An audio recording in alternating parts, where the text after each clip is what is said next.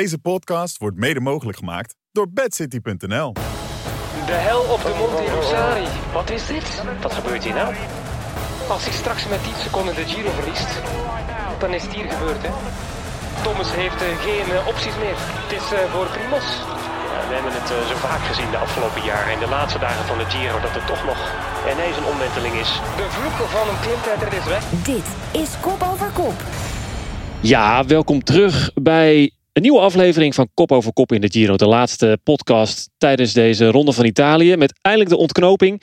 Daar gaan we het over hebben met eh, Bobby Traxel, Koen de Kort en Jeroen van Bellegem. En mijn naam is Andries Lamet. Dus dat betekent Sander Valentijn, die is er niet. Ja mannen, die is eh, meteen weer eh, op vakantie gegaan op het moment dat, dat de ontknoping plaatsvindt. Daar zijn we niet meer over verbaasd, denk ik. Ik zal het stokje even overnemen. Jeroen, je hebt enkel nog die finale in Rome te gaan. Ceremonieel zeggen ze dan altijd. Eh, voelt het voor jou ook als een eindsprint? Ja, absoluut. Ik bedoel, eh, we hebben drie weken lang ja, toch wel enigszins genoten van eh, bepaalde duels voor de etappenzegen. En ook strijd voor het klassement die spannend was. En dan gisteren was die climax na toch, mogen zeggen, een best heel rustig kabbelende Giro. Maar we kregen gisteren een prachtige golf eroverheen. En ik, heb, ik heb gisteren echt genoten. En vandaag dan nabespreking tijdens de rit en ook tijdens de podcast. En dan eh, genieten van een eh, zevende sprint. Dus ja, ik kijk er wel naar uit eigenlijk in eh, de mooiste stad ter wereld. Kijk, ja, ja, wat zei je nou inderdaad? Opnieuw thuiskomen voor jou. Is, is het dan ook een ererondje qua, qua uitzending? Van alles nog even de revue laten passeren? Toch een beetje ook wel, ja. Absoluut. Ik, eh, ik heb daar zes maanden gewoond in Rome. En eh, dan is het echt wel leuk om daar nog eens eh, terug naar te kijken. Naar al die prachtige plekjes. En vooral inderdaad zo'n zo'n eh, lokale lus in de, de hoofdstad. Dan heb je tijd genoeg om te fileren door de Giro. Hè. De afgelopen drie weken. Dus wat dat betreft vind jij niet erg dat het hele peloton nog eventjes komt overvliegen vanuit de grens met Slovenië terug naar Ja, Rome? ik, vind het, ik vind het ridicuul hoor. Ja, ik vind het wel, ik vind het wel belachelijk.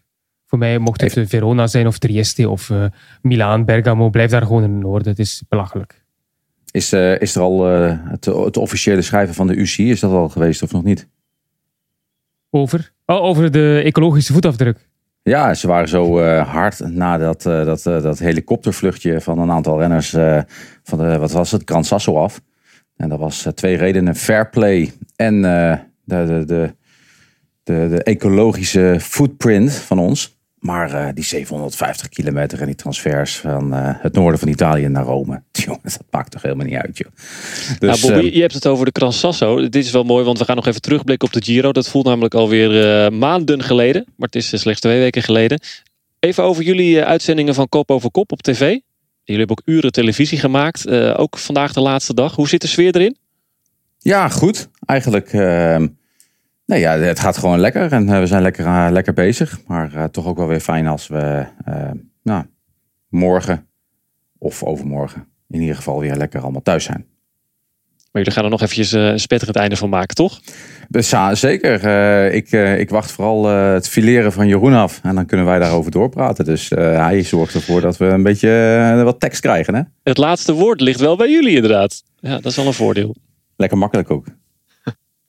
We gaan eh, in deze aflevering van Kop over Kop natuurlijk het hebben over de ontknoping van de klimtijdrit. We nemen dit op zondagochtend op. Dus eh, de slotrit in Rome die hebben we nog voor de boeg. Maar het is natuurlijk al beslist deze Giro. Ehm, en we gaan eh, het hebben over ja, hoe gaan we deze Giro nou ons herinneren.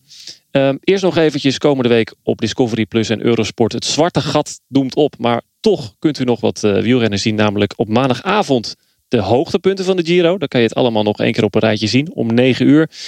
Zondag, dus dat is eigenlijk alweer over een week, de Brussels Cycling Classic. En dan begint ook het criterium Dauphiné. Voelt nog heel ver weg, toch? Nou, ik moet zeggen dat eh, het niet zo heel ver weg voelt. Want eh, ja, jongens, morgen begint de voorbereiding naar de Tour. Ja, ja, precies. Voor jou gaat het in één keer door. We gaan eh, nabeschouwen. Klimtijdrit. Eindelijk was die er dan. De rit naar de Monte Lussari. Vooraf al door iedereen gevreesd. Maar het zou wel de rit moeten zijn die voor de beslissing zorgt in deze Giro. Dat is ook gebeurd. Eh, ik vraag me eigenlijk af of we het nog moeten hebben over dingen die voor die tijd gebeurd zijn. Maar toch ben ik wel benieuwd. eh, Koen, is, is deze Giro nou zo saai geweest of op slot gebleven doordat deze rit op het programma stond? Nou, ik denk niet zozeer dat deze eh, op het programma stond. Natuurlijk ook wel voor een gedeelte. Want dit is natuurlijk wel ook een hele beslissende rit. Waar iedereen toch nog wel een beetje ja, bang voor was.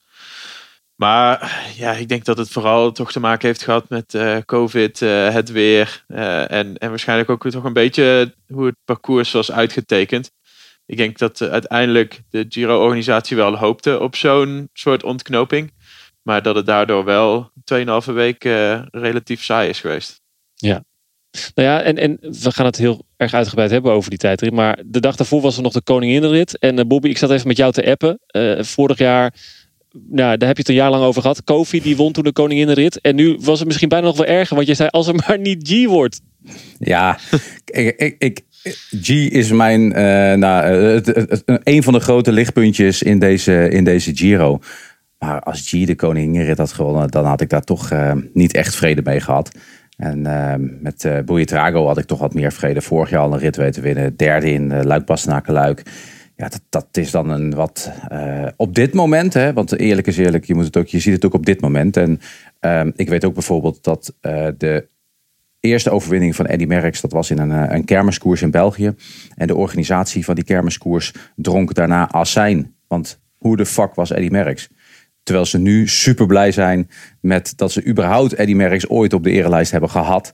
en dat kan met G natuurlijk ook zo gaan worden. Of het wordt een nieuwe eeuwige tweede. Is die wel een beetje van deze Giro. Maar... Daar, zijn, daar zijn de G's deze week wel uh, goed mee bezig, ja. In die uh, koninginrit, ja, daar uh, gebeurde eigenlijk weinig. Roglic pakte een paar secondjes. Het ging allemaal om die klimtijdrit. En dit was de ontknoping daarvan. Absoluut. Thomas heeft geen opties meer. Het is voor Primos. Wat een onwaarschijnlijke omwenteling. Primos Roglic ja, we hebben het uh, zo vaak gezien de afgelopen jaren. In de laatste dagen van de Giro dat er toch nog ineens een omwenteling is. De vloek, de vloek van een klimtijdrit is weg. Ja. Primoz Roglic gaat de Ronde van Italië winnen. Ja. Na drie keer de Vuelta is het nu Slovenië boven in de Giro.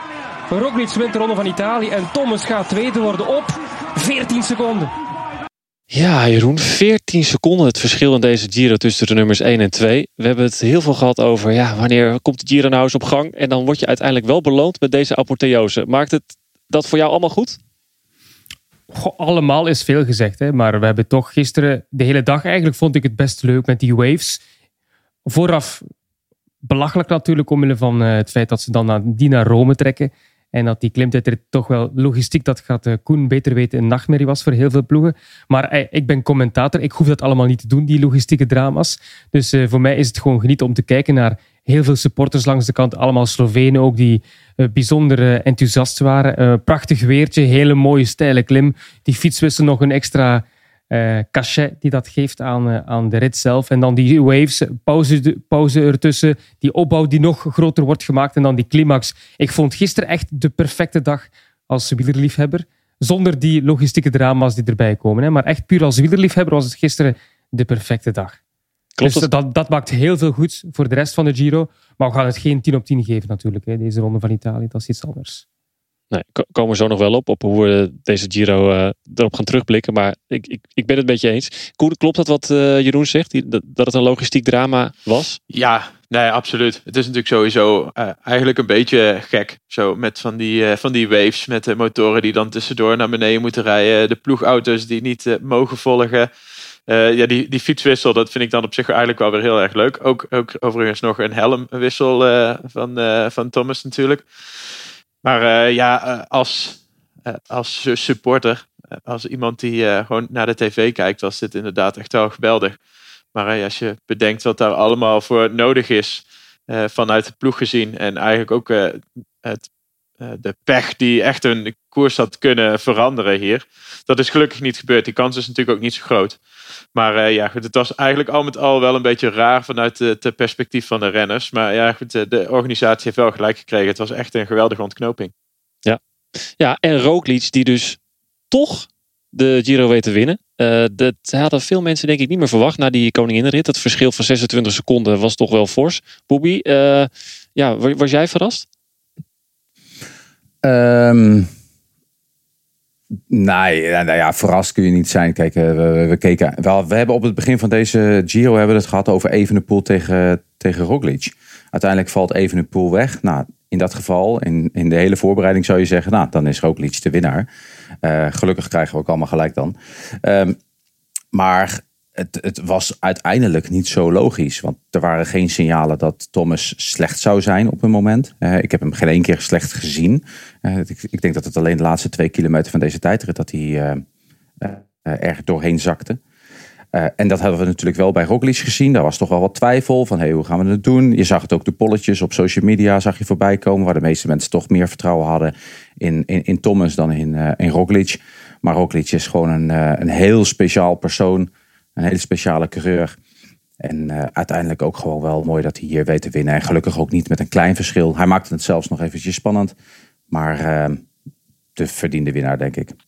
Jeroen heeft dat, dat Sloveense aspect er nog uh, aan bijgedragen. Dat het, ja, ik bedoel, hij was zo'n beetje thuis. Hij was eigenlijk thuis. Hij zag het ook aan de fans langs de kant. Ik zal niet zeggen dat het 14 seconden heeft uitgemaakt, die Slovenen langs de kant. Dat is heel moeilijk in tijd uit te drukken. Maar het helpt natuurlijk wel als iedereen je vooruit schreeuwt. Je vooruit duwt ook wel. Want toen hij dat uh, probleempje had, die mechanische issue, zag je een man met een rood tenue nog terugkeren naar, uh, naar Roglic. Die stond wat hoger opgesteld, die ging terug. En blijkbaar was dat dan na afloop werd het dan overal gezegd dat dat een voormalig ploegmaat was van hem bij het schansspringteam uit Slovenië vroeger. Dus, en die hebben dan ook uh, samen nog kampioenschappen afgewerkt. Dat is toch echt wel een prachtig plaatje. Die heeft hem ook enorm veel geholpen. Als je zag hoe ver hij nog uh, vooruit duwde. Ja, oké, die fietswissel op zich die heeft hem wat tijd gekost. Maar hij heeft wel tijd teruggepakt door die duw die hij gekregen had van die vriend van hem. Dus ja, het is wel het, mooie plaatje, maakt het compleet. Maar om nu te zeggen dat hij die Giro-tijdrit heeft gewonnen. Alleen maar door de, de fans was natuurlijk overdreven gesteld. Ja. Misschien moeten we even terug naar dat moment. Want dat was toch wel het ja, fragment waarbij we naar het puntje van onze stoel gingen. En dachten, oh, de vloek van de klimtijdrit. Jij zei het al even Jeroen. Blijft die in stand? De hel op de Monte Lussari. Wat is dit? Wat gebeurt hier nou? Hij schakelt zijn ketting eraf, denk ik. Wat gebeurt er nou? Ik heb je werkelijk waar geen idee. Zijn ketting eraf. Want hij gaat weer verder met dezelfde fiets, hè? Ja, toch wel. Oh. Och, jeetje. Man, man, man. Hij rijdt er nog een gat heen. Als hij die fiets toch weg. Ja. Ah.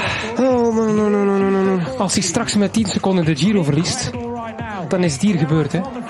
Want dat was wel een beetje de, de gedachte op dat moment. Ik kon het op dat moment niet live kijken. Dus ik zat, zat op Twitter en ik zag overal... Roglic verliest de Giro. Roglic verliest de Giro. Dat gebeurt hier. Uh, dat, ja, was, was dat ook een beetje jouw gevoel, Koen? Dat het voorbij was? Ja, nou, op dat moment, uh, het was natuurlijk sowieso wel heel erg close. En als je dan nog zoiets tegenkomt, dat is meestal ook niet echt heel erg goed uh, voor je mentale welzijn. Ik denk dat het dan echt juist lastiger is om, om dan te blijven vechten. En dat toont wel weer aan hoe sterk hij ook in zijn hoofd is. Want ja, hij, hij, gaat daarna eigenlijk alleen nog maar versnellen. Maar ik dacht zeker, nu is het wel voorbij. Dat was, dat was wel echt wel even een sleutelmoment voor mij. Ja, ja, en, en Bobby, hadden het net eventjes eh, voor de podcast over die tijdsverschillen. Uh, het was echt close. Jij zegt, Thomas verliest eigenlijk in de laatste twee kilometer de Giro. Ja, ja zeker. Uh, hij had op het moment dat het pechmoment is als we er goed vanuit mogen gaan dat de organisatie het goed gedaan heeft. Ik heb trouwens wel een paar slechte opmerkingen. Ik vind echt dat de, de, organisatie het slecht in beeld heeft gebracht. Dus ze hebben een hartstikke leuke wedstrijd georganiseerd uiteindelijk. Maar ik vind dat ze het slecht in beeld hebben gebracht. En uh, op het moment dat hij eigenlijk zijn ketting eraf laat vallen. ik denk dat het even een dood moment was in zijn trapmoment. Vond ik ook wel speciaal als je zo snel bergen op moet rijden. En dan dat, dat knikje dat hij even die ketting eraf wiebelde.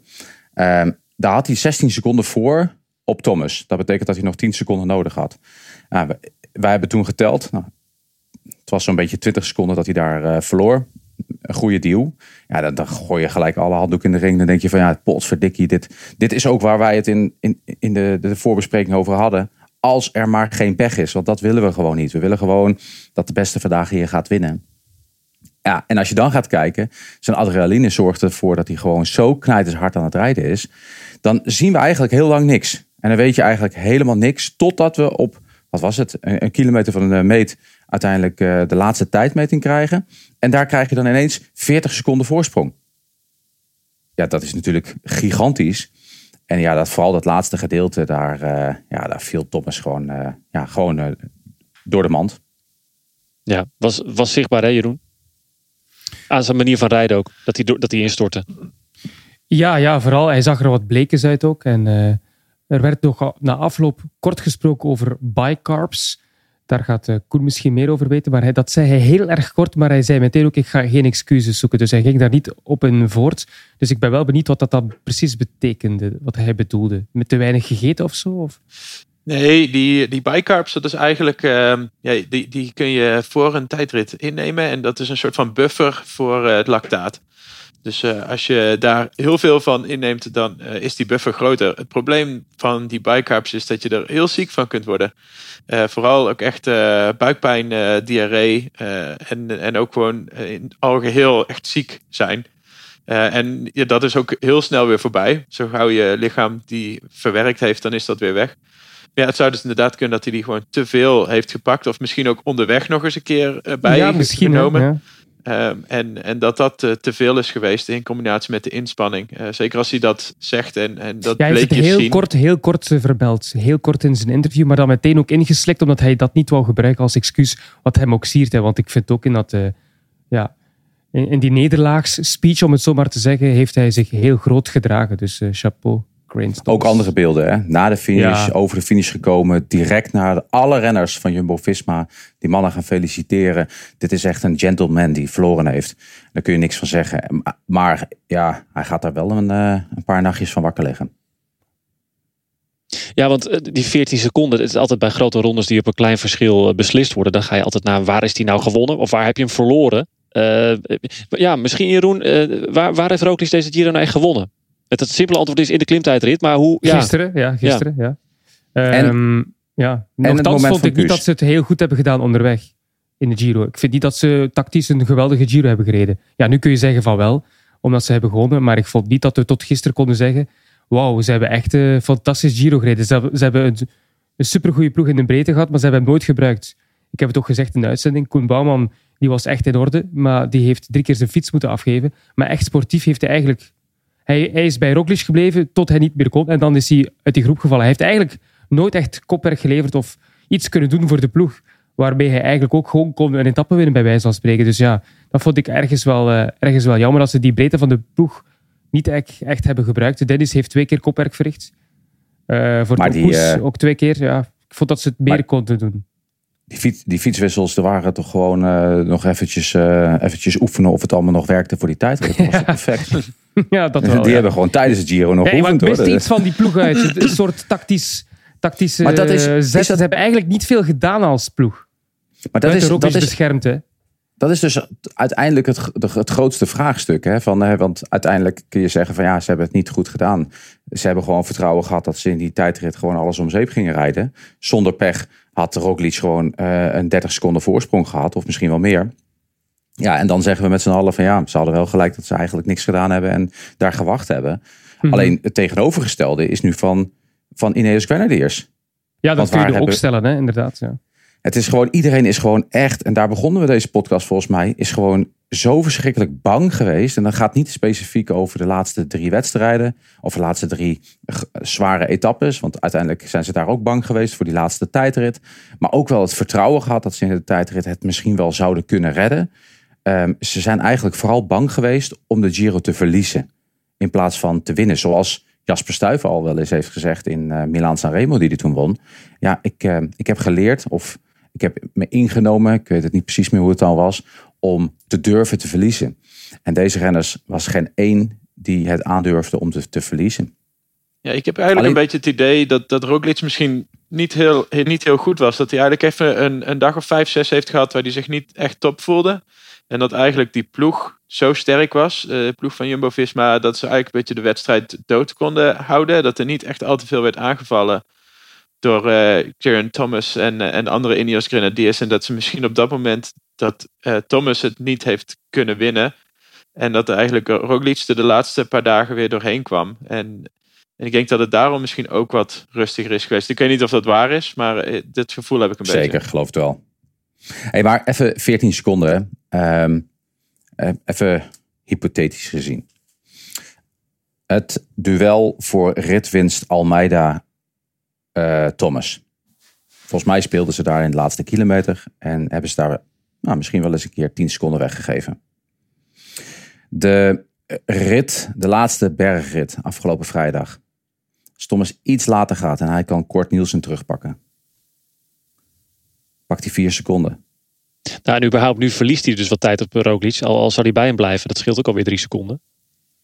Ja, zeker ook dat. Dus uh, zou, dat, uh, zou dat het. Uh, zou, zou hij daar wakker van liggen de komende dagen? Hè? Ja, het gaat er niet om of het wel of niet of is. die hè. helmwissel die zeven seconden trager Nou, was. la- laten we het daarover hebben. dat, maar die- misschien is dat net ook goed met die, met die Nee, dat geloof ik echt Ja. niet. Maar ja. Koen, dat wil ik wel eens van jou horen als geloof Ja, ik, ik heb het. eh, je hebt echt zo'n programma, Best Bike Split heet dat. En daar kun je eh, volledig eh, alles inzetten van zo'n tijdrit. Dan kun je dus eigenlijk van tevoren een beetje inschatten wat dat de tijd zal zijn. En ik heb dat voor de renners van mijn ploeg, van Trek Segafredo, echt helemaal bekeken wat het verschil zou zijn tussen starten met een tijdrithelm of starten met onze aerodynamische weghelm. En dat verschil was ongeveer drie tot vier seconden om met een weghelm te starten over een tijdrithelm. Onze aerodynamische eh, weghelm, die overigens wel heel snel is.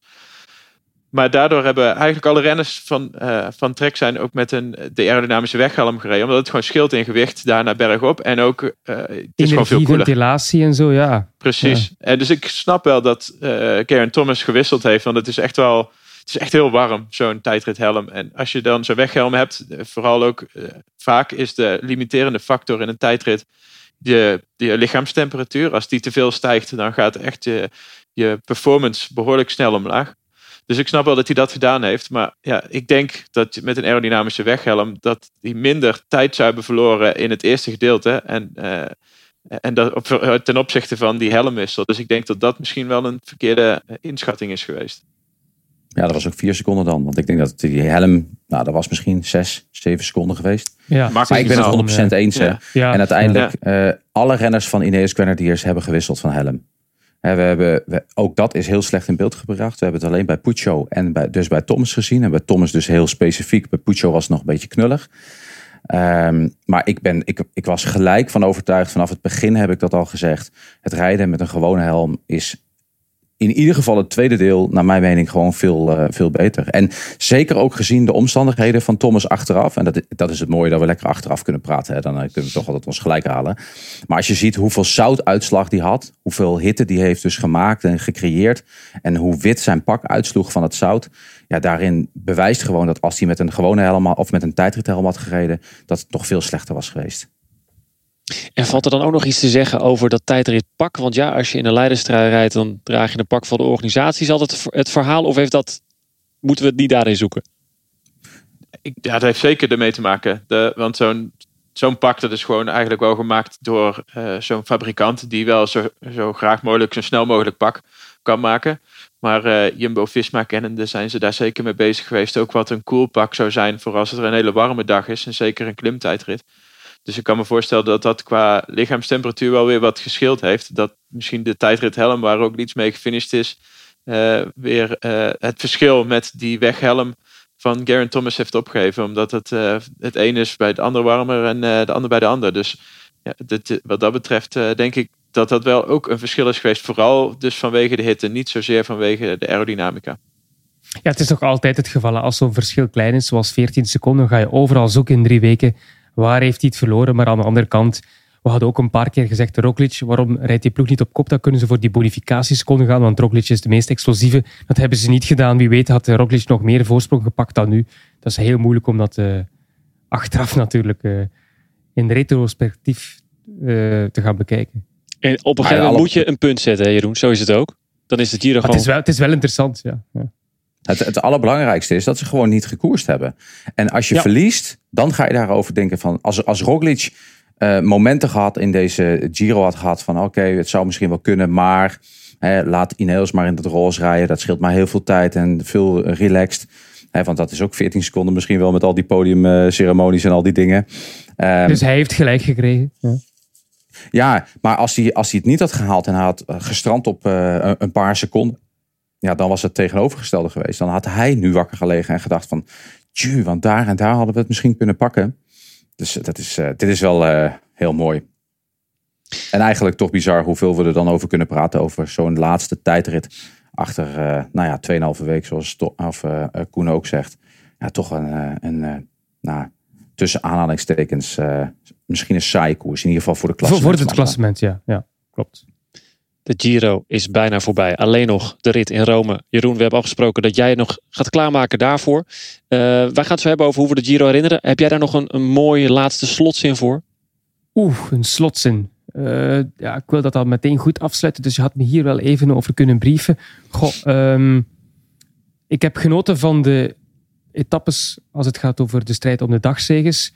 Maar alleen maar het laatste uur heb ik kunnen genieten van het de strijd om het klassement.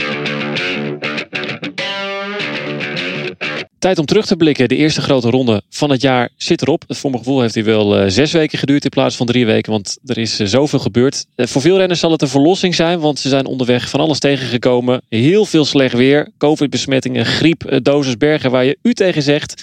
Jeroen trapte net al eventjes af met ja, hoe gaan we ons deze Giro herinneren. Koen, hoe denk jij dat we over een jaar of tien bijvoorbeeld ja, aan deze Giro terugdenken? Ik denk dat veel mensen toch wel gaan denken dat het een redelijk saaie Giro was. En uh, dat heeft zeker te maken met uh, die COVID-besmettingen. En natuurlijk ook even een pool uh, waar we heel veel van hadden verwacht en gehoopt. Die al eigenlijk heel snel, veel te snel uit koers was. Die echt het koersverloop heeft veranderd wat dat betreft. En ja, dat weer helpt ook niet mee. in nog een ingekorte etappe waar ook wel veel van verwacht werd. en dan ja, met uh, nog een aantal valpartijen. Daar weer uh, renners van uh, uit koers. noem ik vooral Theo Gegenhardt. Die misschien nog wel beter leek dan Garen Thomas. dus ja, goed, we hadden een veel mooiere koers kunnen zien. Als het, als het weer en de COVID anders zou zijn geweest. Maar goed, uiteindelijk. ik moet zeggen, dit was wel een van de mooiste ontknopingen van een grote ronde. die ik in de laatste jaren gezien heb. Dus dat maakt echt heel veel goed. Dat maakt het eigenlijk meteen van een grote ronde die herinnerd zal worden als een, nou ja, misschien wel een onvoldoende of een heel krappe voldoende vanwege de mooie dagoverwinningsgevechten. Maar door die ontknoping, ik vind, ik vind het nou toch wel, uh, toch, toch wel al met al een voldoende hoor. En, en dan zou ik toch wel een, een 7 willen noemen. Ja, en dus sowieso een Giro met veel gedoe. Een mooie ontknoping. Uh, veel slecht weer. Dat kan juist ook maken, Bobby. Dat mensen denken, oh die Giro van 2023, daar was iets mee. Dat we hem daardoor juist heel goed gaan herinneren. Ja, ik denk, ik, ik, denk dat ook. Ik denk dat uh, er, ging, er ging ook al wel op social media en uh, bij mensen eigenlijk in gedachten zo van: moeten we niet altijd een grote ronde finishen op deze manier? Want ja, was, het, was deze tijdrit zo leuk geweest als uh, Remco Evenepoel vier minuten voor had gestaan? hadden we dan met z'n allen nog gekeken. Nu zat iedereen echt klaar van ja, het gaat nu toch wel echt gebeuren. En iedereen hadden we elke dag hadden we dat eigenlijk. En zeker de laatste halve week. maar over tien jaar dan ehm, ga, deze, deze Giro gaan wij ons niet uh, herinneren. Het enige wat we gaan herinneren is die klimtijdrit met dat pechmoment. En uiteindelijk dat Roglic zijn, uh, zijn eerste en enige Giro uh, wint. Zeg ik misschien hardop, maar de, dat zou zomaar kunnen. Het gaat bij Roglic altijd wel op een bijzondere manier. Hè? Maar hij, heeft deze nu binnen. Zijn vierde grote ronde. We gaan even kijken, wat hebben we geleerd van deze Giro? Het parcours was natuurlijk heel veel over te doen. Je zei het al, Koen, zelfs nog een rit ingekort. Het is in Italië eigenlijk altijd wel een beetje de vraag in die tijd van het jaar zijn de passen open. Um, zijn er denk je dingen, Bobby, die de Giro volgend jaar echt anders gaat doen? Dat ze bijvoorbeeld nu hebben gemerkt, ja, dit, dit werkt ons zo niet in de hand. Een, te lange ritten, noem het maar. Nou, dat de Giro zichzelf niet in de hand werkt, dat uh, geloof ik 100%. Um, ehm, de discussie bestaat natuurlijk dat uh, na 2026 de Giro en de Vuelta nog maar twee weken gaan duren. En ze hebben alle tools om dat nu te gaan doen. Dus als de Giro zichzelf echt erin nog maar twee weken wil hebben, moeten ze doorgaan met dit soort wedstrijden organiseren. Uh, en dat, overigens niet alleen de Giro had daar iets aan te doen. Hè. Uh, ik denk dat zeker ook de weersomstandigheden en het COVID-verhaal daar echt wel uh, een, een, onderdeel van waren. Maar dat dit goed is in de discussie over of de Giro twee of drie weken moet zijn, dat, dat denk ik niet. Terwijl ik voorstander ben van drie weken te blijven. En goed, er, gaan ook wel stemmen op om die, uh, die Giro en Vuelta uh, om te draaien. Als je bijvoorbeeld kijkt naar het klimaat. Het wordt eh, steeds heter in, in, in, Spanje. En in mei kan je daar prima alle bergen over. In de Giro misschien juist wel beter in augustus, september. Is de heiligheid van de wielenkalender daartegen bestand? Om die om te draaien? Um, ja, ik, ik, het lijkt mij een goed idee. Ik weet niet of dat, uh, de Giro daar zo achter staat. Ik denk dat die het wel een mooie datum vinden. Maar ja, goed, nu dit jaar heeft het wel bewezen dat het misschien een goed idee zou kunnen zijn. Overigens zouden de renners in de Vuelta ook best wel eh, wat slecht weer hebben tegengekomen hoor. Want het was ook in Spanje nou niet echt helemaal geweldig. Zeker niet in het noorden, waar dat toch ook eh, heel veel gereden zou moeten worden. Want ja, daar zijn nou eenmaal eh, de hoogste bergen. Dus ja, goed, ik denk wel dat het met het oog op het klimaat geen slecht idee is om ze om te wisselen. Maar ja, of, of dat daadwerkelijk gaat gebeuren, ik, ik denk niet dat de UCI zo sterk is dat die dat kunnen gaan eisen. En ik denk dat er niet heel veel welwillendheid is van beide organisaties. En hoe is jouw kijk op een, een klimtijdrit op de laatste dag? Is dat een goed idee? Ja, ik, ik vind het eigenlijk wel mooi. Ja, ik vind het wel een mooie, mooie afsluiting. En daar kun je echt nog wel veel verschil maken. Want zelfs uh, als je een gewone bergrit hebt, om het maar even te, uh, gewoon tussen aanhalingstekens te zetten, daar, uh, dan is het toch wel heel moeilijk om zoveel verschil te gaan maken. Het, het is natuurlijk ja, 20, 30, 40 seconden, dat, dat gaat misschien nog, maar heel veel meer gaat eigenlijk echt niet. En ja, ik denk als Roglic dat pech niet had meegemaakt, dat het verschil nog een stuk groter zou zijn geweest. Dus in het algemene tijdrit, hè? In het ja. algemene tijdrit. Koen zei net eventjes het is een tijd geleden dat we dit zo spannend hebben gehad. Het planche profiel 2020 was ook wel uh, eentje die we niet uh, gaan vergeten. Maar ook de tijdrit waar Tom uiteindelijk de, de Giro won. Uh, dus uiteindelijk die tijdritdagen moet het natuurlijk wel een klein beetje bij elkaar blijven. Dus dan moet het misschien zo'n koers zijn zoals het nu ook was. Dat het wel een beetje spannend blijft. Nou ja, de dus, Tour van vorig jaar had op de voorlaatste dag ook een, een hele moeilijke tijdrit. En volgend jaar weer. Maar ik bedoel, vorig jaar ging het daar niet meer zo ja, om de eindoverwinning. Dus het moet er ook een beetje mazzel mee hebben misschien. Zeker. Dat, uh, Hoop op slecht weer. oh, ik, we gunnen het, hè. ja. We zijn net een sadist geworden als je gestopt bent uh, met fietsen. Eh, ja, de renners gaan zich deze Giro zeker wel herinneren. Die weten echt nog, dat was die Giro waar we de eerste uh, 2,5 week twee keer in het droog gereden hebben. Spook Giro. wat ik zelf wel geleerd heb, wat mij opviel, willen de klassementsrenners geen ritten meer winnen.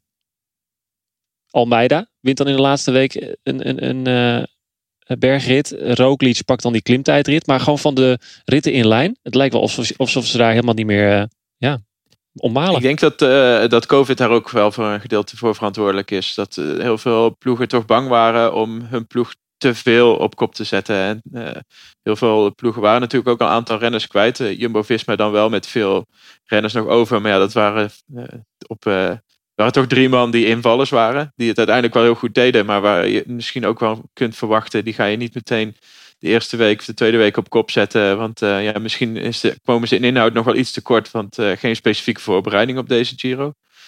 Dus ik denk dat dat er misschien wel iets mee te maken heeft. Maar ja, anders dan, uh, ja, ik denk dat ze voor heel erg bezig waren met deze laatste week. En ja, dan maar dachten, ja, dan pak ik daar nog misschien maar een overwinning als ik echt de beste ben.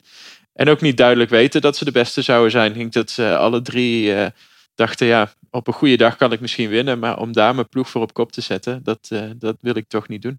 En je kunt er ook doorheen zakken. Ik denk dat dat angst daarvoor, het klassement weggooien, dat dat ook wel groot is. In de hele top ja. 10. Ja, dat is waar. Behalve bij Pinot. We begonnen die Giro met die tweestrijd, Evenepoel en Roglic. En toen Rem, uh, Remco Evenepoel uitviel, toen leken heel veel mensen te denken, ja, dan wordt het eigenlijk gewoon eenrichtingsverkeer. Dan wordt het Roglic bleek best wel een drie-strijd te worden. Tot in de laatste week met z'n drieën, tot op de laatste dag met z'n drieën binnen de minuut. Hebben we de rest dan een beetje onderschat of Roglic overschat? Of is het ook weer makkelijk achteraf omdat hij van alles is tegengekomen, Bobby? Boah, um, ik denk dat we hem in eerste instantie uh, Roglic hebben. Um, nou, ik, denk dat je dit niet zo kan stellen. In eerste instantie hebben we hem dus naast Evenepoel gezet en dat gaat het duel worden. Dus dan zou je gezien wat we daarna gezien hebben, zou je hem op dat moment overschat hebben. Um, ik denk dat we hem daarna nooit, misschien één keer hebben. Nee, ik denk dat we hem daarna nooit meer hebben onderschat. Ja, zijn weerbaarheid hebben we misschien onderschat, want dat heeft hem gewoon geholpen. Ik, Roglic is gewoon een hele speciale. En Roglic ook met deze overwinning en ook naar dit jaar kijkend, hè. Hij, hij rijdt drie rondjes. Ja, en dat jus moet je er maar afhalen. Want ik weet hoe verschrikkelijk lastig die wedstrijden zijn. Maar Tirreno, Catalonië en dan de Giro. Hij wint ze alle drie, hè. Het is wel een speciale reeks die hij hier aan het wegzetten. En vergeet ook niet wat hij heeft meegemaakt met de valpartij in, uh, in de Vuelta vorig jaar. Het herstel daarvan. Wat dan weer sneller gaat. En dat dan ook misschien bij hem te verwachten is dat dat sneller gaat. Omdat hij zo'n harde kop heeft, dat hij gewoon overal doorheen kan gaan. Het is uh, gewoon een speciaal coureur die je niet mag onderschatten en ook nooit mag overschatten. Ja, en dan kan ik me voorstellen dat hij nu met die Vuelta en Giro op zak toch nog een keer het vizier op de Tour eh, zet. Koen, denk je dat hij daar nog uh, goed genoeg voor is en dat hij daar de ruimte voor krijgt bij Jumbo-Visma? Niet dit jaar. Nee, in okay. ieder geval. Um, misschien uh, voor de toekomst. We weten natuurlijk nooit uh, welke renners uh, waarheen gaan. misschien dat hij dan op basis hiervan beslist dat hij misschien toch beter nog een keer naar een andere ploeg kan gaan. Omdat hij daar echt nog een keer volledig met steun naar de Tour kan gaan. Want ja, dat zie ik bij Jumbo-Visma toch niet meer zo 1, 2, 3 gebeuren. Nee. nee, dat lijkt me ook niet. De Giro gaan we nog eventjes fileren aan de hand van ja, hoogte- en dieptepunten laten we positief eindigen. Dus ik heb jullie gevraagd van wat zijn nou echt de, de, de uitspringende momenten? Uh, Bobby, ja, wat was nou het dieptepunt in jouw ogen? Uh, nou, uit, uiteindelijk hebben mijn drie dieptepunten te maken met het feit uh, wat uiteindelijk de conclusie is. En de conclusie is dat gewoon de gesloten koers voor mij het absolute dieptepunt is geweest. Elke dag toch met vol moraal naar ik met vol moraal naar het, uh, het rondeboek zitten kijken en denken: zo, ja, het kan vandaag gebeuren. En elke avond, ja, me bijna moeten gaan verzatten, bezatten om uh, eigenlijk mijn verdriet van die dag van de wedstrijd en uh, denk van, tju, weer niet. Dat, dat is denk ik wel mijn, mijn grootste dieptepunt van deze Giro. Echt een beetje teleurstelling. Ja, ja, ja, ja. Ja, nou, ik ben echt een paar keer teleurgesteld geweest dat ik dacht van, wauw, mooie koers en het gaat nu echt beginnen. En ik maakte gisteren de grap ook. Uh, en dat deed ik eigenlijk. Wij, wij hebben dus die, die, die momenten dat eigenlijk alles logistiek technisch van die berg af moest. Kwamen wij met ons programma in, uh, in, ja, op beeld. En toen maakte ik ook de grap, nou, we gaan nu pas aan de Giro beginnen. Ja, weet je, dus dat is altijd een grap om te lachen. Maar uiteindelijk was dat het echte. Nou ja, natuurlijk is het ook helemaal niet zo. Maar het was zo gesloten, zo angstig. En dat heeft met meerdere redenen te maken die ik ook als dieptepunten had, heb. Nou, ik herinner me nu, hebben we vorig jaar de discussie niet wel eens gehad over maken we het klassement niet te belangrijk? Zijn die ritzegens niet ook uh, veel belangrijker? Toen hadden we natuurlijk Koen Bouwman voor Nederland die een paar ritten won. En dan leeft die Giro misschien wel weer op een heel andere manier. Hoe, hoe, zie jij dat, Koen? Die focus op het klassement. Uiteindelijk wint één iemand de Giro, maar er gebeurt natuurlijk nog veel meer. Ja, zeker. Ik denk dat het wel geholpen zou hebben als we echt een Nederlander hadden die zoals nou, Derek G of, of Ben Healy zou rijden. Want ja, dan heb je gewoon eigenlijk altijd iemand mee in de, in de ontsnapping die ook echt kans maakt om zo'n etappe-overwinning te pakken. Dat zou echt wel veel geschild hebben voor gewoon ons gevoel bij, bij zo'n grote ronde, bij zo'n Giro. Maar ja, ik, ik denk dat het uh, vooral met, met COVID, dat iedereen echt gewoon uh, bang is geweest. Bang om ziek te worden, bang om uh, te diep te gaan. en dat dat heel erg de wedstrijd voor het klassement heeft beïnvloed. En dat, dat er daardoor misschien ook wel juist die lichtpuntjes konden zijn als een Derek G, die, die ons eigenlijk allemaal heeft verbaasd. Ja, ik proef wel een beetje jouw hoogtepunt, maar nog eerst eventjes, heb jij nog een, een, een dieptepunt? Um, nou ja, ik heb het dieptepunt dus voor mij COVID en hoe, gewoon hoe dat daarmee mee om is gegaan. Het is natuurlijk niet echt iets waar je heel veel aan kunt doen. Maar ik denk dat het gewoon over het algemeen in de hele samenleving een beetje verslapt is. En uh, dat daardoor ook heel veel um, mensen uh, om, het, uh, om de ploegen heen er minder mee bezig zijn geweest. En ik denk dat er daardoor ook wel wat meer besmettingen zijn geweest. Waar, ploegen eerst altijd in een aparte ruimte zaten in het hotel en restaurants. Kwamen er daar nu gewoon mensen veel dichterbij komen. Uh, met de interviews na de finish voor de start. Dat was allemaal gewoon echt veel dichter bij de renners. Veel minder beschermd. Na Gran Sasso gaan maar gewoon in, een, in zo'n grote cabine de berg af. met gewoon journalisten, supporters, met iedereen. En een helikopter was gevaarlijker. Nou ja, ik denk inderdaad dat de meest beklijvende foto van deze Giro... dat zijn die mannen van zowel Quickstep in die, in die helikopter. Ja, nou ja, natuurlijk is er eentje eerst besmet geraakt. En die heeft vervolgens de hele ploeg. Ja, als, als je binnen de ploeg denk ik dat het heel moeilijk uh, echt te, te, beschermen is. Want ja, je zit de hele tijd bij elkaar. Je zit ook samen in de bus. En dat uh, hebben dan natuurlijk op een gegeven moment wel gedaan. Echt het hoogtepunt van COVID. Waar iedereen ook met een mondkapje in de bus zat. Maar ik denk dat dat eigenlijk niet meer echt heel erg houdbaar is. Maar dat er gewoon vooral in de aanloop, de eerste week, dat daar een beetje te laks mee om is gegaan. Maar weet je, COVID is natuurlijk echt, en, en, zeker ook in de hele wereld. En er is heel veel verschil tussen mensen die uh, er wat van vinden en het tegenovergestelde van vinden. Het is een hele moeilijke discussie natuurlijk. Maar, Gaan ja, wij die voeren? Nee, nee, nee. nee, nee. Ik, ik, dat maar, moeten wij zeker niet voeren. Nee. nee, nee, het is ook niet aan ons om dat te voeren. Maar het enige wat, wat, wat ik daarvan wil zeggen is dat we er van op dit moment van uitgaan dat een renner die een topinspanning moet leveren uh, met COVID een gevaar voor zijn lichaam is. He, want als het een gewoon griepje is, dan, of gewone verkoudheid is en je hebt geen koorts, kun je doorrijden. Uh, maar heb je COVID, dan zijn we heel erg bang dat dat gevolgen heeft in de toekomst van zo'n persoon. dat is uiteindelijk de, de, reden waarom we die mensen eruit halen. Want als we denken van nou, het heeft geen gevolgen, rij lekker door, dan kunnen we lekker doorrijden. Maar het allerbelangrijkste hierin is, COVID gaat niet weg. En dat is eigenlijk het grootste punt. Hoeveel gaat COVID de komende jaren nog een stempel drukken op, op de wielersport? Want waarom zouden we. He, waarom we zouden het niet hebben in, uh, in, de, in de Tour? Nou, dat zou kunnen komen omdat in de Tour het lekkerder weer is. Dat misschien het, het, virus eventjes afzwakt. Of ik, ik weet het ook niet. Maar ook als dan de renners in week drie komen, waar veel meer mensen zijn, uh, dan zijn ze ook gewoon vatbaarder. En zou het zomaar weer kunnen dat er weer een uitbraak is. Dus hoe, hoe gaan dus we bedoel je, om? Moeten we het meer voor lief nemen en het gewoon includeren? Het hoort er gewoon bij, zoals ook in het gewone leven, maar in de topsport misschien dus op een bepalende manier. Of moet je dan, want Koen zegt ook terecht, de uh, protocollen die waren er niet meer. Dus in het begin van de Giro hield niemand er rekening mee. Jij bent je voorbereiding op de Tour al begonnen, Bob. Je moet, moet daar niet dan toch strakkere regelgeving over blijven rondom de, de grote koersen? Ik denk dat iedereen, nou ja, niet alleen op de grote koersen. Ik denk ook in de voorbereiding naar de grote koersen. Dus dat zijn ook de kleinere wedstrijden. Dat je als ploeg en als renner toch jezelf constant moet blijven herinneren van oei, uh, ja, als ik handen ga geven of ik stop überhaupt met handen geven. Uh, dat zijn hele kleine dingetjes waar je mee kunt gaan beginnen. Wat blijkbaar heel groot belang was, als ik dat begreep van de overheid toen de COVID was. Uh, van die kleine dingetjes dat je je wel blijft realiseren, dat moet ik blijven doen, blijven doen, blijven doen. En ik ben echt benieuwd hoe ploegen daar ja, toch naar gaan kijken. Want ja, er is toch een, uh, een hele wedstrijd uh, eigenlijk de kop afgehakt met uh, Evenepoel die uitviel. Dat was een van mijn andere dieptepunten die deze ja, de COVID dus heeft gevolgd. Ja, ik, ik wil eigenlijk niet te lang in alle dieptepunten blijven hangen. Dus laten we nee, positief Goed. eindigen. Natuurlijk is het dieptepunt Fijn. dat Evenepoel uitviel, COVID, et cetera. Maar wat was er wel fantastisch aan deze Giro? Koen? Ik vond Derek G fantastisch. Ik vond het echt uh, mooi. Uh, Bobby is natuurlijk ook heel blij dat hij geen, uh, niet de koninginnenrit won.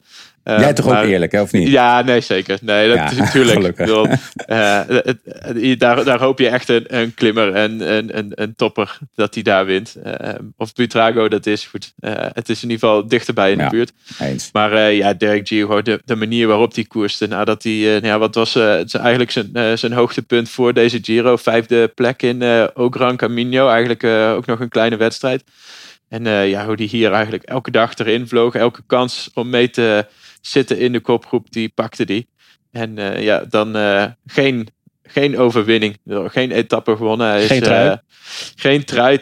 Tweede in de puntentrui, tweede in de bergtrui. vier keer tweede in de etappe, twee keer vierde in de etappe. Dat is echt ongelooflijk knap wat die jongen heeft gepresteerd. En de manier waarop die koerste was ook echt heel erg mooi. En, en dan toch niet winnen. Het, het is misschien een, een hoogtepunt en een dieptepunt tegelijk. Maar van de andere kant vind ik het ook alweer bijdragen aan het hoogtepunt. Dat hij zo goed reed en dan toch niet wint. Dat dat, dat, dat toch ook gewoon nog kan.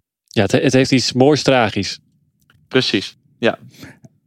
Eh, eh, even, even, even, even, want we moesten drie hoogtepunten doen. Hè? En gaan, van welke volgorde gaan we? Gaan we van boven naar beneden of van beneden naar boven? Want we zijn het met, met elkaar over eens. Het absolute hoogtepunt was de ontknoping van de tijdrit, toch? Ja, tuurlijk. Ja. Dus we zijn eigenlijk met 2 en 3 uh, aan de, aan, verder aan de, de tijdrit hebben we al zoveel besproken. Die, die, ja. Dat is nummer 1 is al weg. Ja, precies. Wat is je nummer 2, Bobby?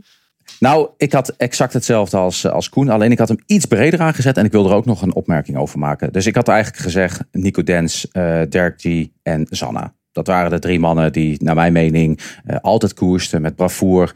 Uh, misschien moet ik Squeens er ook nog bij zetten. Uh, ik, ik, pak hier mijn, uh, mijn, mijn papiertje bij. misschien? Etappe de Ja, ja, maar Squeens, etappe 4, 8, 12, 14 en 16 mee. Ik hoop dat we hem straks op 21 ook nog eventjes bij kunnen zetten. Um, en de hele dus, proef van, van Coratec ook erbij? Nou, dat, die hebben toch wel wat minder uh, zichzelf laten, laten zien, naar mijn mening. Ik, denk, ik dacht dat het ging om, om kilometers in de aanval. Nee, nee, nee, nee, dat niet. Want dan zou uh, Champion dat, uh, het winnen natuurlijk. Maar dat waren, dat waren smaakmakers. Hè. Dens ook twee ritten gewonnen. Sanna Zeker. uiteindelijk ook nog een rit gewonnen. Dirk die dan niet. Maar die wordt overal tweede. Dus ik, dat, dat waren een paar van dat soort mensen waar ik dacht van... Oh, dat is een lichtpuntje. Maar ik moet wel zeggen... Het heeft wel te maken met een van die negatieve punten die we net hebben opgegeven. Want als we de grote renners hadden gezien, hadden we deze jongens nooit tegengekomen. Dus het is een beetje in het perspectief geplaatst, maar gelukkig dat ze er maar waren, deze Giro. En in die zin is deze Giro ook niet heel anders dan andere, want dat zien we altijd wel, toch? Dat er veel kansen voor de aanvallers zijn. Hmm, ik heb toch het idee dat dat in, in de Tour de France veel minder is. Dat, uh, dat het peloton dat niet laat lopen, dat de toppers dat niet laten lopen. En dat we dat veel. Uh, uh, Jeroen zei gisteren over hoeveel renners er uit een ontsnapping hebben gewonnen. Dat is echt wel heel erg veel dit jaar. Ja. 13 verschillende ploegen op dit moment gewonnen. Hè. Dat kan zomaar zijn ehm, dat dat vanmiddag 14 wordt. En je ziet het ook in de sprints inderdaad. Hè? Dat, dat geen enkele sprinter twee ritten heeft gewonnen. Ge nee, Laten we hopen dat, dat, ze dat voor blijven houden. Cavendish ja, precies. Dat hoop ik ook. Dat hoop ik ook. Die ga ik ook spelen. Niet omdat ik het 100% eh, in me geloof. Ik denk dat hij echt ook goed is, maar hij heeft geen ploeg uh, hier. Nee. Um, het is een kwetsbare uitspraak, dus, hè? want ik denk als deze podcast online komt ongeveer, dus dat zal rond de finish van de, de laatste rit zijn. Dus dat ja, nee, maar misschien daar, een beetje. ja. Nee, ja, precies. Maar ik hoop dat hij dat uh, gaat doen. Dat zou een fantastisch afscheid zijn. En ik denk dat hij het lichamelijk dus kan. Ik denk dat hij echt goed is. Uh, maar hij heeft gewoon echt geen ploeg om dat weg te zetten. Dus hij moet een beetje geluk hebben. En ik denk ook dat als Mens Pedersen er wel was gebleven, dat het uh, een veel grotere strijd voor de puntentrui was. En ook voor de andere etappes. Maar... Ja, daar zal Koen denk ik het wel mee eens zijn uh, wat betreft Zeker. Pedersen. heb je nog een, ja, een, een, een lichtpunt, een hoogtepunt? Nou, voor mij, uh, ik, vond, ik vond de interviews met uh, Garen Thomas echt uh, geweldig. en, en ook de manier hoe dat hij dan als gentleman verliest. Ik, bedoel, ik vond, ik vond Garen Thomas in zijn hele voorkomen en hoe dat hij hier was in de Giro echt een lichtpunt. Dat hij, ja, wat, wat, wat, heeft hij onder andere gezegd? hij heeft natuurlijk gezegd ook gefeliciteerd. Roglic zegt chapeau. you deserve to win, mate. Dat, bedoel, ja, uh, hoe, hoe, vaak uh, hoor je dat nou of zie je dat nou? Uh, direct na de finish. Het wordt dan direct na de finish. Echt heel knap. Um, toen op een gegeven moment wat oude renners kritiek hadden op de manier waarop gekoerst werden. Werd Carzelli in deze Giro. Carzelli en um, Petacchi waren dat. Ja, toen zei hij: Lots of things happened in the 80s and 90s that we don't do now. heeft, hij, heeft hij toen gezegd in een interview, vond ik ook echt wel geniaal. En uh, um, op het moment dat uh, Cavendish aankondigde dat hij uh, zou gaan stoppen, heeft hij gezegd: um, It's a bit weird. Cavendish is going to stop because it means it's coming for me too now. Die hebben natuurlijk heel veel samen in de ploeg gereden. dus ja, dat was natuurlijk heel erg mooi. En, Denk je dat trouwens? Dat, dat, dat dit ook een beetje het laatste kunststukje van Thomas is op dit niveau? Ja, dat denk ik wel. Ja, dat denk ik wel. Uh, en de allermooiste uitspraak van hem vond ik uh, toen uh, Adam Blythe, die hem interviewde, interviewde, die natuurlijk ook hem goed kent, ook samen in de ploeg heeft gereden. Die zei, Adam zei, nou, er straks komt de Tour er nog aan, dus moet je je daar maar op gaan voorbereiden. Toen zei hij, I'm going on the piste for two months, mate. It's over for me now. Um, dus hij gaat echt twee maanden volledig aan de drank. En dat is ook een beetje zoals we hem wel, wel kennen. Iedereen heeft volgens mij wel eens video's uh, gezien, uh, et cetera. Hij, kan, uh, hij is heel goed op de fiets, maar hij is ook heel goed met een flesje bier. En uitspraken dus. En uitspraken. Absoluut. Mooi. Ja, in Erik, deze Giro kregen we ook al bijzondere interviews van Theo Gegenhardt. Dus wat dat, dat zit wel goed bij die ploeg. Bobby, heb jij nog een, een, een laatste lichtpuntje ja. om ermee uit te gaan? Ja, dat was mijn lichtpuntje nummer drie. Ehm, en dat was eigenlijk echt die eerste tijdrit van deze Giro. Het moment dat... Uh, ten Wacht eerste dat was, eh, wanneer was het ook alweer? Eh, dat is lang geleden. Dat is drie weken geleden inderdaad. Dat, en dat, dat zegt ook heel veel over de wedstrijd, moet ik eerlijk zeggen. Maar dat was de dag dat we ehm, ten eerste een fantastische tijdrit zagen van Evenepoel. Dat er gewoon fenomenaal mooi uitzag. Waar de souplesse, de kracht, ehm, de wil, eigenlijk alles gewoon er perfect uitzag bij hem. Maar ook dat we allemaal nog dachten van dit wordt een van de mooiste grote rondes. Waar we eigenlijk al een hele winter en zeker van de lage landen met Evenepoel van een beetje naar uit zaten te kijken van voor daar gaan we strijd hebben. Roglic, Evenepoel. Daar was de hoop gewoon eigenlijk nog het allergrootste. Die dan eh, door valpartijen, eh, door eh, het weer en door de COVID een beetje wegvielen. Maar dat was vond ik echt wel een, een, hele, mooie, een hele mooie rit. Ja, er zijn wel weer verhalen geschreven deze Giro. Als je dat inderdaad zo vertelt en daaraan terugdenkt. eh, er zijn ook mannen die nog een appeltje te schillen hebben met eh, de Ronde van Italië. En hier misschien wel weer zullen terugkeren. Of hem juist willen mijden, dat kan natuurlijk ook. Dat, eh, dat moeten we gaan zien. Ehm, we zijn aan het einde gekomen van deze Giro, ook voor kop over kop. Ehm, ja, nog eenmaal wil ik u meegeven komende week op Discovery Plus en Eurosport. Maandagavond de hoogtepunten van de Giro. Die hebben wij al genoemd. Maar u ziet ze dan nog eventjes op een rijtje. Om 9 uur s avonds. Zondag de Brussels Cycling Classic. En dan begint ook het Criterium Dauphiné. En volgens mij zitten wij vlak daarna alweer in de ZLM Tour, eh, Koen. Ja, dat wij samen dan- toch? Ja, begint dan ook weer. En Bobby, eh, jij dus in eh, de Dauphiné. Nee, ik zit Oh. ook in de ZLM Tour. Alleen eh, daar heb ik natuurlijk een andere functie dan jullie. En ik doe eh, dit jaar de Ronde van Zwitserland. Kijk, ah, eventjes. eh, dat is, wat- dat is eh, de vierde grote ronde. Hè? Ja, ja. Dat, dat, is, het- dat, dat is het niet, want dat is King High Lake. Oh ja, nou goed, daar moeten we een andere keer maar over hebben. Met de podcast zijn we er eh, op dinsdag 6 juni weer met de bekende namen. Met Sander Valentijn, met Jan Hermsen. En eh, voor nu tot ziens. Ciao. Deze podcast werd mede mogelijk gemaakt door bedcity.nl.